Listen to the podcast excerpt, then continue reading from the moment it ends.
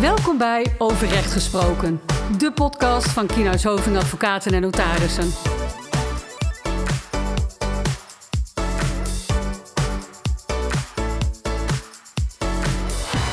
Een nieuwe podcast in de serie over recht gesproken. Vandaag aan tafel tegenover mij. Vincent de Groot, advocaat arbeidsrecht. En mijn naam is Tom Profijt, ook advocaat arbeidsrecht. En ik mag u toch met heel veel vreugde aankondigen. Aan mijn linkerzijde Zo, zo. zit hij wel. Ja, Ja, dat is het. eh, Erik Hollander. helemaal. Welkom Erik. Ja, bedankt Tom. Wat ontzettend En mooi. Vincent uiteraard. Ja, leuk dat je er bent. Ja, laten we Vincent niet vergeten. Nee, precies. Wat ontzettend mooi dat je er bent, jongen. We hebben eh, natuurlijk een aantal jaren met elkaar samengewerkt bij eh, een ander advocatenkantoor. En vanaf 1 april zit je weer op het oude vertrouwde honk. Zo is het. En zijn we weer samen. ja, De klopt. tandem. Ja. Doet me, toch, doet me toch goed. Ja? Ja. Ja. Oh, mooi. Nou, jou, jou niet Ja, kennen. nee, ja, nee ik, eh, ik, ik laat het allemaal op, op, op, op mij afkomen. Hè? Erik is gewoon bescheiden. Bescheiden. Ja. Precies. Nou, ik weet niet of bescheiden het juiste woord is. Nee. Maar goed, hij is er in ieder geval. Leuk Erik, mooi dat je er bent man. Ja. Hey, eh, vandaag gaan we een podcast opnemen met elkaar over de ontbindende voorwaarden. Ehm, dat is voor jou op zich het opnemen van een podcast al een nieuwigheid en een mooiigheid. Ja, Heb je zin in? Ja, ja, ja, ja. Nee, dat heb ik. Dat heb ik. Alleen, het is voor mij, eh, ja, dat zal de luisteraar ook wel eh, merken dat ik af en toe stotter. En vaak is het zo dat als ik dan nogal wild beweeg, dat dat me helpt eh, om wat meer vloeiend te praten. Maar jullie hebben mij heel strak gezegd van nee, je moet je hoofd zo recht houden. in dat ding. Dus Precies het is voor nog een extra moeilijkheid. Extra handicap, heerlijk. maar goed, Nou. dat, eh, ik, ja, ik ga in ieder geval mijn eh, best doen. Maar je mag je armen wel bewegen als je je hoofd maar stilhoudt. Ja, maar Dat dat, is het belangrijkste. Ja, precies. Oké. Nou ja, één ding Erik, je bent gewoon een fantastisch goede arbeidsrechtadvocaat. En dat stotteren, dat geloven we wel. Eh, het heeft je nooit belemmerd in je werk, dus dat gaat ook niet gebeuren in de podcast. En dan nu het onderwerp van vandaag. Namelijk de onbindende voorwaarden in een arbeidsovereenkomst. De afspraak dat een arbeidsovereenkomst automatisch eindigt als een bepaald specifiek geval zich voordoet. Bijvoorbeeld de afspraak dat je niet beschikt over een geldige VOG, verklaring op het gedrag. Ja. Zeker. Zeiden we mooi in koor. ja, dat zeiden we inderdaad erg mooi in koor. Maar Mooi. die hadden wij dus alle drie ook eh, in onze arbeidsovereenkomst staan toen we hier in dienst traden. Yes. En als wij dus niet binnen twee maanden na het begin van die arbeidsovereenkomst die VOG hadden kunnen overleggen, eh, dan was eh, de arbeidsovereenkomst per dat moment geëindigd. Einde en verhaal. hadden wij hier niet aan tafel gezeten vandaag. Precies, we zijn allemaal aangenomen met het idee dat zijn vast goede jongens. Nou ja, de Was vraag was. Deze en gene wel wat twijfel Er was over. wat twijfel over, maar goed, dat was in ieder geval de, de presumptie. En eh, de werkgever heeft zich dan toch nou ja, een soort van controlemoment voorbehouden. Ga eerst maar eens even een ver- verklaring omtrent gedrag aanvragen. En dan zien we wel even of we de arbeidsovereenkomst voortzetten. Toch? Exact. Dat is eigenlijk het verhaal. En de directe aanleiding dat wij hier vandaag om tafel zitten, te praten in de podcast over onbindende voorwaarden, die, eh, dat is een uitspraak hè, van, de, Ja. van de rechter in Amsterdam.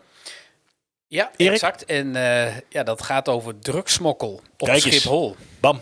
En eh, meer specifiek is het een bedrijf dat vliegtuigen le- leeghaalt. Plat gezegd, hè, het gaat om vrachtafhandeling. En daar is een meneer in dienst en die werkt er ook al 17 jaar. En voor dat werk heeft hij een Schipholpas nodig. Nou, wat is dat? Dat is een soort van toegangsbewijs wat Schiphol uitgeeft. Dus niet het bedrijf zelf, om op het terrein van Schiphol te mogen zijn. Daar wordt ook wel een kort onderzoek gedaan daarvoor. Of iemand wel, nou ja, ik neem aan, over de betrouwbaarheid beschikt om daar te zijn. Misschien wel prettig als je met vliegtuigen werkt en zo. Exact. Hè? Ehm, en, ehm, en om die reden, omdat je dus een Schipholpas nodig heeft, heeft deze werkgever ook in het contract bedongen eh, dat als je je Schipholpas verliest of dat die wordt ingetrokken, eh, dat dat ook het einde van je contract betekent. Hè? Dus, dus de onbindende voorwaarden. En nou, wat gebeurt er dan? Dan is het ehm, de zomer van 2021. En het Openbaar Ministerie die doet onderzoek naar drugsmokkel. En deze meneer, de- deze werknemer, die wordt als verdachte aangemerkt eh, daarbij. Eh, hij, een, een verdachte bij de, de smokkel van ja, toch wel substantiële hoeveelheden cocaïne. Ja, Mhm. 300 kilo hè, in, eh, Ja. Ja, bij bloembollen had hij, zat daar 300 kilo kook bij. Oké. Ja, Ja. precies. Dus eh, ja, toch wel een eh, serieus feit. Ehm, nou, het OM die deelt dat aan Schiphol mede. En die zegt van joh, ehm, ja, eh, wij zijn dus onderzoek naar hem aan het doen. En deze meneer is verdachte. En Schiphol op haar beurt informeert dan deze werkgever eh, van dat de pas eh, om die reden, dus vanwege het onderzoek wat het OM doet, wordt ingetrokken. Nou, en omdat die Schiphol, of omdat dus die Schipholpas wordt ingetrokken, ja, dat is voor de werkgever vervolgens reden om een beroep te doen op deze onbindende voorwaarden en om te zeggen, ja, eh, jij hebt geen Schipholpas meer. Dus eh, ja, vanaf dat moment eindigt onze, ons ar- ar- arbeidscontract. En Precies. dat betekent ook dus dat hij van het ene op het andere moment geen baan meer heeft en geen salaris meer krijgt. Ja, en daar eh, is deze meneer het uiteraard niet mee eens.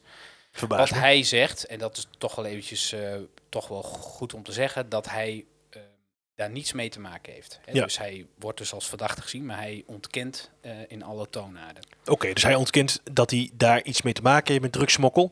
Oké, ehm, deze meneer die gaat dus naar de rechter. En we zijn natuurlijk heel erg benieuwd hoe dat afloopt. Dan Ja. laten we eens een mooie teaser plaatsen, want daar gaan we het zo meteen over hebben. Ja, Ja. mooie cliffhanger. Eh, daar gaan we het uiteraard nog over hebben, hoe deze zaak afloopt. Maar om goed te kunnen begrijpen waar het om gaat, willen we graag eerst de voorwaarden met je bespreken. Dus eh, onder welke voorwaarden eh, moet je, of kun je zo'n ontbindende voorwaarden afspreken? Wat is eigenlijk de context waarin je zoiets moet zien? Ja, Nou. en voordat we daar naartoe gaan, hè, even nog de volgende opmerking. Want er is nog wel wat discussie sinds eh 1 juli 2015. Hè? Ja, zeker. 1 juli 2015 Zeker. eh, was, eh, zoals jullie allemaal weten, eh, het moment dat de WWZ werd ingevoerd. Hè, en dat het Nederlandse arbeidsrecht en ook zeker het ontslagrecht daar nog op de schop ging en er erg veel veranderde. Ja. En eigenlijk is er sindsdien een discussie over de vraag of die ontbindende voorwaarden eh, nog wel rechtsgeldig kan worden overeengekomen. Goed, dat is wel een eh, zeer theoretische discussie, hè, want je ziet eigenlijk dat rechters in de praktijk nog steeds aan de voorwaarden toetsen die wij hierna eh, gaan bespreken. Maar het is wel goed om dat even op te merken dat er iets van een discussie is. Nee, dat is zeker. Ja, dat is een hartstikke zeker. terecht punt. Dat is een, dat is, dat is een discu- discutabel iets. Maar wat je ook terecht opmerkt, in de lagere rechtspraak lijkt die gewoon nog houdbaar te zijn. Dus het is zeker relevant wat wij hier vandaag eh, bespreken in de podcast. Ehm, Oké, als we dan gaan kijken naar welke voorwaarden er eigenlijk gelden. Wat, eh, wanneer is zo'n ontbindende voorwaarde over de band genomen houdbaar? Dan zijn er eigenlijk drie te noemen. Da, e- de eerste daarvan is dat de ontbindende voorwaarde niet in strijd mag zijn met het ontslagstelsel. Nou, Erik, daar ga jij zo nog even eh, kort op in. Daarna eh, geldt ook nog het zogenaamde causaliteitsverbod. Ja, prachtig woord hè? Dat is zeker een mooi Ik woord. gebruik dat iedere dag tenminste drie keer. Dat mag ik hopen. Ja. En jij gaat het zo ook uitleggen, Ja. dus dat scheelt. Ik gebruik het namelijk nooit, dus dat is mooi. Eh, en daarnaast geldt de voorwaarde, ja, daar is ook een discussie over, maar goed, de voorwaarde dat de arbeidsovereenkomst na het intreden van de situatie eh, inhoudsloos moet zijn geworden. Nou, en daar kom ik dan vervolgens nog even op terug. Dus we hebben mooi verdeeld over, drie- over z'n drieën. En als we deze voorwaarden besproken hebben, dan zullen we daar nog even op reflecteren. Van wat betekent het nu eigenlijk? Ja. Ehm, Erik, take it away wat dat, wat dat betreft met het mag niet in strijd zijn met het ontslagstelsel. Wat, wat Ja. houdt dat in? Wat betekent dat? Ja, dat is op zichzelf genomen wel weer een hele ingewikkelde voorwaarde. En daar kun je in principe ook heel veel over zeggen. Maar dat ga ik nu maar even niet doen. Ehm, wat, wat het wel, wat denk ik de meest essentiële is, ehm, is dat het betekent dat het niet met e- evidente ontslagregels in strijd mag zijn. Dus als je bijvoorbeeld het eh, we hebben het opzegverbod bij ziekte. Als iemand ziek is, dan moet je twee jaar lang het salaris doorbetalen. Eh, en je kunt dus dan niet de voorwaarden afspreken dat na twee maanden het dienstverband eindigt als jij twee maanden lang ziek bent. Want? Dat, omdat daarmee je eh, in strijd, dat is in strijd met het opzegverbod tijdens ziekte, dat je twee jaar lang het salaris moet doorbetalen. Dan ontvlucht je dus eigenlijk je verantwoordelijkheid als werkgever. Exact. Precies. Ja. Oké. Ehm, dus dat is, dat is wat eh, jou betreft in ieder geval een hele nou ja, directe en aanwijsbare eh, Ja, toets. zo kun je natuurlijk nog veel meer voorbeelden noemen. Maar dit is in ieder geval om eventjes een illustratie te geven van wat hiermee wordt bedoeld. Ja, dus niet in strijd met het ontslagstelsel eh, in Nederland. Nou, en dan komen we bij Het causaliteitsbeginsel. het causaliteitsverbod. ja, het causaliteitsverbod. Ja. Nou, Vincent. Nee, ja, waar dat eigenlijk, hè, wat dat eigenlijk betekent is dat eh, die ontbindende voorwaarden mag niet afhankelijk zijn van de eh, subjectieve wil van die werkgever. En dat valt in zekere zin uiteen in twee onderdelen. Eh, de eerste is dat die, object, dat die objectief geformuleerd moet zijn. Hè? Dus je moet, het moet één of nul zijn, het moet aan of uit zijn. Je moet wel of niet een VOG krijgen. Je moet wel of niet een Schipholpas hebben. En het mag niet eh, afhankelijk zijn van de subjectieve interpretatie van die werkgever of die ontbindende voorwaarden is ingetreden. Dus er mag, er mag geen discussie bestaan over of die voorwaarde zich voordoet eigenlijk. Dat is wat ik je hoor Kijk, je zou je bijvoorbeeld kunnen eh, voorstellen, of misschien eigenlijk wel niet, maar het- omdat hij zo evident niet mag. Maar hè, stel je voor, wij spreken af, eh, jij treedt bij mij in dienst. Eh, en als jij je drie dagen in de maand eh, niet representatief kleedt, dan eindigt de arbeidsovereenkomst van rechtswegen. Ja, dan ga ik dus bepalen wanneer ik vind dat jij je wel en niet eh, representatief hebt gekleed. En dan ga ik er dus door mijn interpretatie, eh, ga ik zeggen van ja, nu is de ontbindende voorwaarde ingetreden. Dat mag niet. Nee, dus veel te veel ruimte voor discussie. Precies. Oké, Dus het moet volstrekt helder zijn. Is hij ingetreden, ja of nee? Nou, dat is één. En dan de tweede, het tweede onderdeel van die causaliteitstoets, dat causaliteitsverbod, is dat je als werkgever geen invloed mag hebben op het in vervulling gaan van die ontbindende voorwaarden. Hè, en dan kunnen we misschien wel even terug eh, naar de casus, zoals Erik hem net ook schetste. Hè. Werknemer werkt bij een bedrijf dat buiten Schiphol omgaat. Hè. Althans, ze werken op Schiphol, maar staan los van Schiphol. Schiphol die trekt de pas in. Daar heeft die werkgever geen invloed op. Maar wat zou er kunnen gebeuren? Stel Schiphol is degene die deze werknemer in dienst hebt, heeft en Schiphol trekt die pas in. Dan heeft Schiphol dus invloed op het in vervulling gaan van die ontbindende voorwaarden. Want Ja. zij gaan erover of die intreedt of niet. dan trekken je dus zelf eigenlijk als werkgever zijnde de onbindende voorwaarden. Precies. Een ander voorbeeld is inderdaad de situatie dat eh, zo'n vrachtafhandelaar zelf aangifte gaat doen bij de politie. En de politie vervolgens tegen Schiphol zegt: joh, eh, ik heb een werknemer die bij jullie, of dan er is een werknemer van een ander bedrijf die bij jullie op Schiphol rondloopt. Eh, en die verdenken wij. En vervolgens trekt Schiphol naar aanleiding daarvan de pas in. Ook dan zou je kunnen zeggen dat die werkgever invloed heeft gehad op het in vervulling gaan van die ontbindende voorwaarden. Oké, en geldt dat dan alleen als je, als je dan kijkt naar het causaliteitsverbod? Is dat dan iets waar je rekening mee houdt bij het opstellen daarvan? Of, of ook bij het inroepen daarvan? Ook bij het inroepen daarvan. En- Dus je moet het op, aan beide kanten eigenlijk moet je er rekening mee houden. Hè. Je moet niet een voorwaarde formuleren waar jij invloed op hebt. Dat is één. En twee is, op het moment dat je hem inroept, moet je je ook afvragen: heb ik invloed gehad op het in vervulling gaan daarvan? Ja, ja, precies. Dus die zou je je bijvoorbeeld ook kunnen voorstellen in de situatie van een leerarbeidsovereenkomst, waar je ook vaak een ontbindende voorwaarde ziet. Hè? Als jij als werkgever heel erg hebt lopen pushen richting dat opleidingsinstituut van joh, beëindig die opleiding nou. Eh, ja, dan, dan kun je je dus afvragen of je dat wel had mogen doen, of je die ontbindende voorwaarden wel mag inroepen. Het Yes. antwoord is waarschijnlijk nee. Oké, dus, dus hier resume. Je mag als werkgever op geen enkele manier invloed kunnen uitoefenen op het intreden van de onbindende voorwaarden. Ja. Toch? Klopt. Dat is de bottom line. Ehm, en ga er dus ook als werkgever dan niet meer aan de haal. Maar daar komen we zo meteen nog op terug. Ja, en dan de inhoudsloosheid van de arbeidsovereenkomst. Als die voorwaarde zich heeft voltrokken. Nou ja, je kunt je als voorbeeld wel voorstellen. Als je een buschauffeur bent en je hebt een rijbewijs. En je gaat rijden op die bus. En je rijbewijs wordt ingevorderd. ja, als je hebt afgesproken dat op het moment van invorderen van het rijbewijs. de arbeidsovereenkomst eindigt. Ja, dan is die arbeidsovereenkomst ook inhoudsloos geworden. Hè? Dus, dus die toetsen wordt dan al snel aan voldaan. Eh, oftewel, je kunt geen uitvoering meer geven aan de functie waarvoor je bent aangenomen. Ik denk dat dat een beetje de, de, de bottom line is van de inhoudstoets.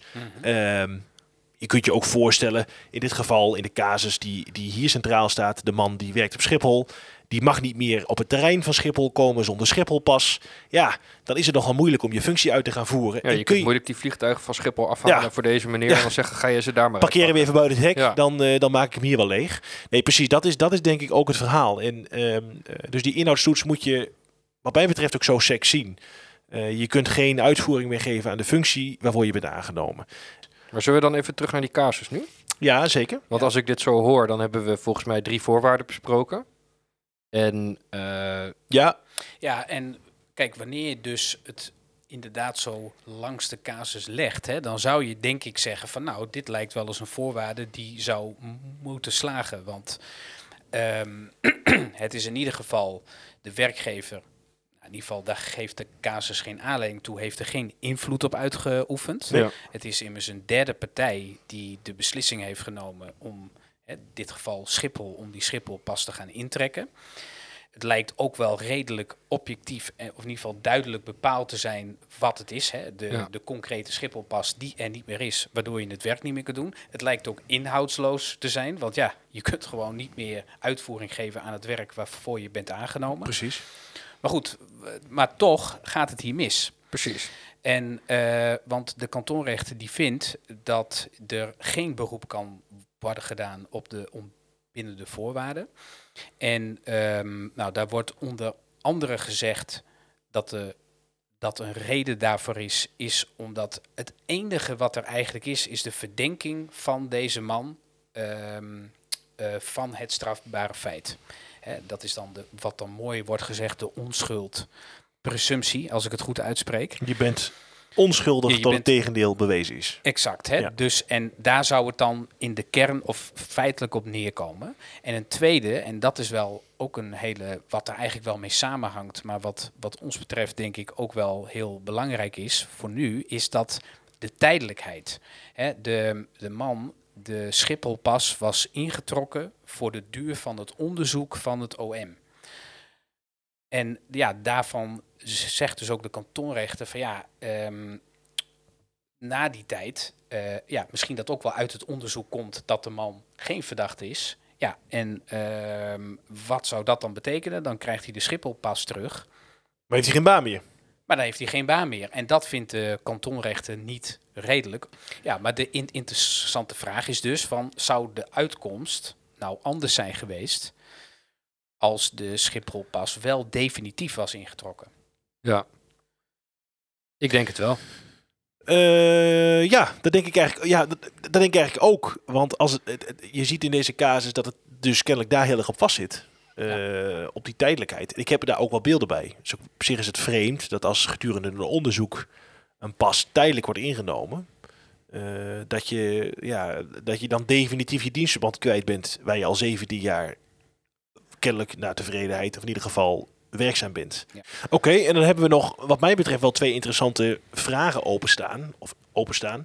Er zijn twee onderwerpen die nog, die nog relevant zijn. We hebben natuurlijk met, met de introductie van, van het nieuwe ontslagrecht hè, per 1 juli 2015, dus ook alweer zeven jaar geleden, maar toch, we noemen het nog steeds nieuw ontslagrecht. Ehm, hebben we hele prominente eh, plek zien terug, eh, of, of- of zien nemen door de herplaatsingsverplichting. Ja. Je moet als werkgever bij een regulier ontslag in principe altijd kijken, is er nog een ander plekje voor deze werknemer? Ja, ik zou me zo kunnen voorstellen dat als een werknemer, nou in dit geval van de Schipholpas, als je niet op Schiphol mag komen en het bedrijf is daar gevestigd, ja, dan is het nogal wie dus dat je je werkzaamheden niet kunt uitvoeren en dan is er waarschijnlijk ook geen plaats voor een herplaatsing. Maar tenzij het Nou bedrijf ja, dat- elders gevestigd is, Precies, of dat het kantoor, of thuiswerk, eh, of thuiswerk, Nee, oké, goed. Maar, maar even, eh, als je ergens niet mag komen en het werk moet daar worden uitgevoerd, dan zit je al snel, eh, dan kom je daar al niet, snel niet meer aan toe. Ehm, anders zou het bijvoorbeeld kunnen zijn bij inderdaad de buschauffeur die zijn rijbewijs eh, verliest. Ja. Waardoor hij feitelijk niet meer mag rijden, maar misschien wel nog als controleur mee kan rijden op een bus. Of, eh, weet ik het, eh, op een planningsafdeling kan zitten. Eh, ik, ik er zijn misschien wel, juist in die, in die gevallen, misschien wel alternatieve werkzaamheden te bedenken. En dan vind ik het interessante vraag van, oké, stel je voor, als onbindende voorwaarden heb je afgesproken, verliesrijbevoegdheid is einde arbeidsovereenkomst.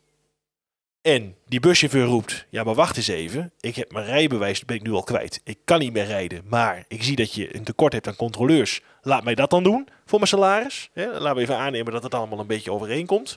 Ja, wat dan? Maar goed, Ja. het, zou, het zou dus een discussie kunnen zijn die zich nou ja, ontvouwt op het moment dat je zo'n onbindende voorwaarden inroept. ja, het is in ieder geval iets waarvan het goed is om je ervan bewust te zijn. exact. Oké, En er is denk ik nog een openstaande vraag. Zeker. En dat is namelijk de vraag, ben je in deze situatie een transitievergoeding verschuldigd? de, de Als transitievergoeding. werkgever. Want moeten hè, als, we hem, als we even heel simpel kijken, wanneer ben je nou als werkgever zo'n transitievergoeding verschuldigd? Even echt heel kort door de bocht. Dat is als jij het initiatief neemt tot het einde van die arbeidsovereenkomst. Dus jij vraagt eh, toestemming om hem op te zeggen, je zegt hem op, of je vraagt de kantoorrechter om hem te ontbinden, of je zet hem niet voort na een einde van rechtswegen op initiatief van de werkgever. Ja, en de transitievergoeding, even de vertaling, is een ontslagvergoeding. hè? Ja. Het is gewoon een zak geld die je meekrijgt als werknemer als je arbeidsovereenkomst eindigt. Ja. Zeg ik het even heel plat. Klopt. Toch? Bedoel, Dat is het verhaal. Klopt. Maar in deze situatie, wie neemt nou het initiatief? Hè? Je, kunt niet echt zeggen dat je het initiatief hebt genomen om te beëindigen. Als Nee, werkgever zijn. als werkgever. Nee, want jij zei nu juist, het, het- een, een, een belangrijke voorwaarde voor een goede ontbindende voorwaarde is dat jij als werkgever daar geen invloed op kan uitoefenen. Precies. Dus ja, Dus er is gewoon, er, er, er treedt een gebeurtenis, eh, ja, die, die, die vindt plaats. En daarmee treedt de ontbindende voorwaarde in. En ben je dus ook eigenlijk gehouden als werkgever om te zeggen... Ja, sorry, de arbeidsovereenkomst is nu rechtsgeldig ontbonden per die datum. Ja. Bestaat niet meer. Nee. Dus heb je dan het initiatief genomen? Dat is, dat is de grote vraag eigenlijk. Nou, wat vinden we daarvan? Ja, Het blijft lang stil. Ja, Ja, ik, nou ja, ja, ik nee. vind van wel. ja ik ook. Zo. Ehm, omdat eh, ja, je toch wel kan zeggen. Kijk, het, het hele probleem is, is dat het zich niet laat. eh, le- hè, dat het zich moeilijk laat lezen in de wettekst. Hè. Daar lopen wij als juristen dan tegenaan. Want staat er niet precies, deze situatie staat er niet precies in beschreven. En dat is denk ik ook de hele ontbindende voorwaarde. Dat is gewoon een vreemde eend in de bijt waar, waar wij als juristen dan mee worstelen. Hoe moet je dit inpassen? Ja. En dat geldt ook hierbij. Maar ik denk toch dat je moet zeggen dat het initiatief uiteindelijk wel ligt bij de werkgever tot het einde, al is het maar omdat je het in het contract hebt opgenomen. Dat is al een belangrijk punt. Eh, en we hebben toch een soort van, de hele transitievergoeding is, in principe moet je gewoon een transitievergoeding betalen eh, als werkgever, tenzij een werknemer zelf opzegt of er sprake is van ernstig verwijtbaar handelen aan de zijde van de werknemer. Nou ja, oké, goed, maar dan zit daar misschien de escape. Maar Ja. ik vind eh, uiteraard, en je ziet ook de heersende opvatting in de literatuur, is ook...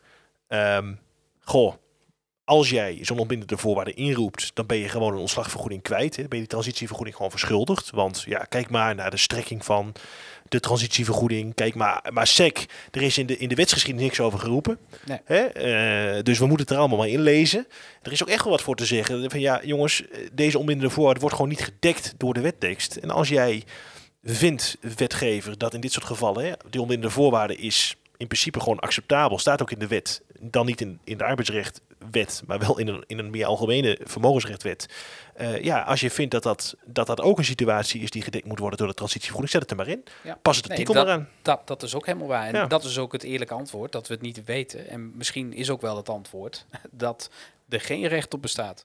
Nou goed, dus dan hebben we eigenlijk gezien dat, dat er best wel veel rondom die onbindende voorwaarden allerlei juridische vraagstukken zijn die nog, nou ja, ofwel te vaag beantwoord zijn, of die, waar nog geen duidelijkheid over bestaat in literatuur, rechtspraak.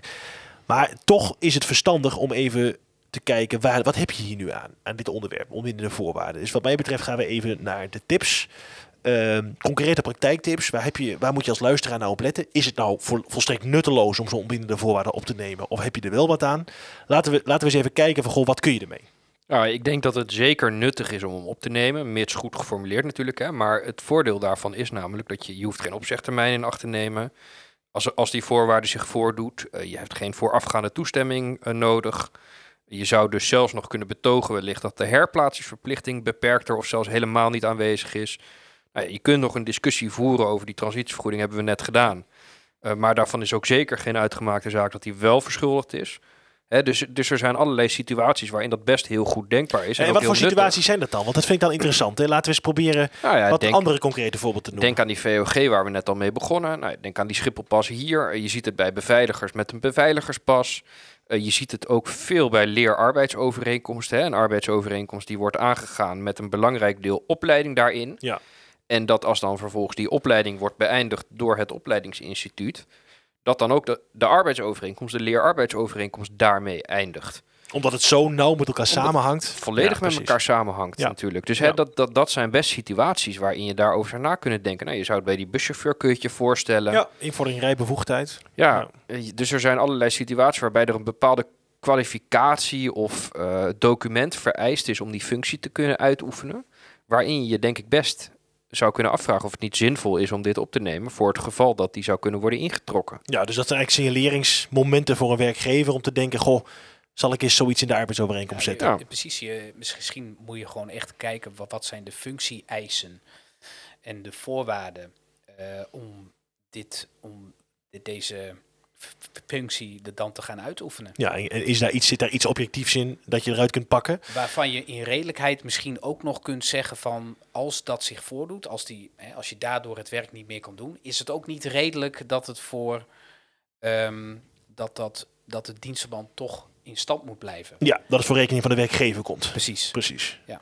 Oké, en als we dan, dus, dus, dus er zijn best situaties denkbaar waarin het opnemen van een ontbindende voorwaarde heel nuttig kan zijn. Zeker. En waar moet je dan om denken als je dat gaat doen? Want dat is dan de vervolgvraag. Goed formuleren, goed formuleren, goed formuleren. Daar Mooi. komt het eigenlijk op neer. Ja, Hè? Dus ja. objectief, waar we het net over hadden, zorg dat je er geen invloed op hebt. En eh, die laatste regel die wij eigenlijk dus net hebben gehaald uit, dat, eh, uit die uitspraak van die kantonrechter. Hè? Zorg dat het wel een enigszins structurele situatie is die je omschrijft. Ja, ja, oké. Precies. Dus, dus, dus niet eh, je bent tijdelijk geschorst of je hebt dit tijdelijk en dan Precies. eindigt je arbeidsovereenkomst. Nou ja, dat is denk ik eh, heel belangrijk. Hè? Dus, dus zorg voor een hele objectieve omschrijving. En dan is misschien ook, want we hebben het daar nog even kort over gehad net.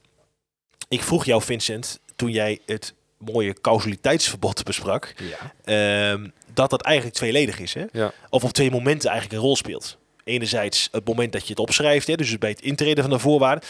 Maar ook op het moment dat je er een beroep op wilt doen als werkgever zijnde. En dan is het volgens mij ook heel belangrijk dat je niet gaat op dat moment nog een af, nee, dat je geen afweging gaat maken. Ga Nee, ik het alsnog of niet inroepen? Ja. Hè? Eh, je moet dan ook doorpakken. Nee, maar even Maar los ik- daarvan, het is dus zo dat gewoon je moet, op het moment dat het zich voordoet, moet je ook zeggen, eh, beste werknemer, stuur je een brief.